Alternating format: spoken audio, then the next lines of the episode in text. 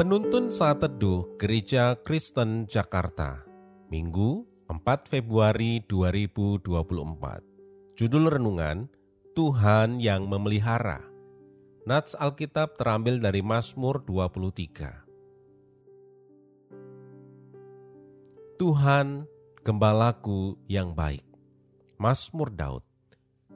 Tuhan adalah gembalaku, takkan kekurangan aku ia membaringkan aku di padang yang berumput hijau.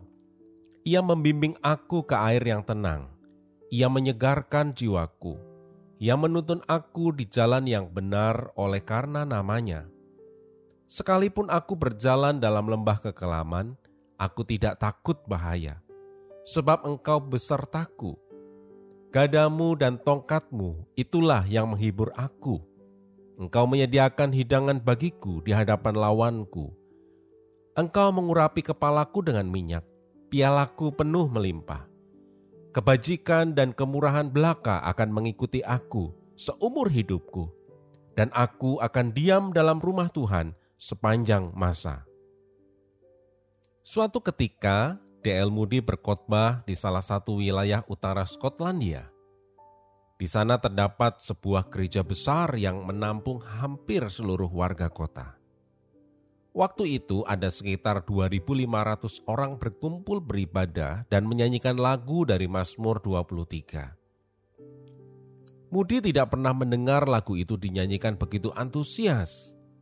Setelah selesai berkhotbah, ia mengundang orang-orang yang sungguh-sungguh mengaku bahwa Kristus adalah gembalanya untuk berdiri dan menyanyi sungguh mencengangkan. Hanya lima atau enam puluh orang yang berdiri. Terlalu sering kita mendengar tentang Tuhan adalah gembala yang baik. Kita pun mungkin sering mengatakan atau menyanyikannya. Namun benarkah kita mempercayai bahwa ia adalah gembala yang memelihara hidup kita?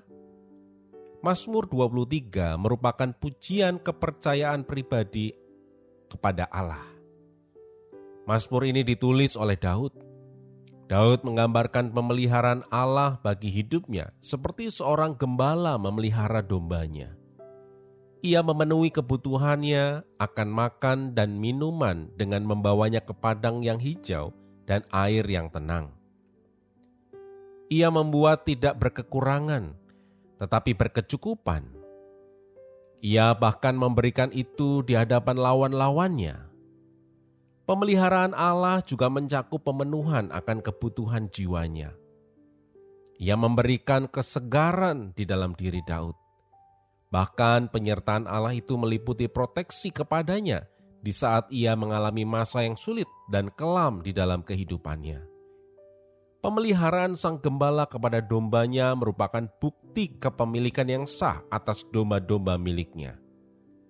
Demikianlah Allah memelihara Daud sebab Daud adalah miliknya. Kita adalah umat kepunyaan Allah. Ia telah menebus kita dari rumah perbudakan melalui pengorbanan Kristus anaknya. Ia adalah gembala dan kita adalah domba-dombanya.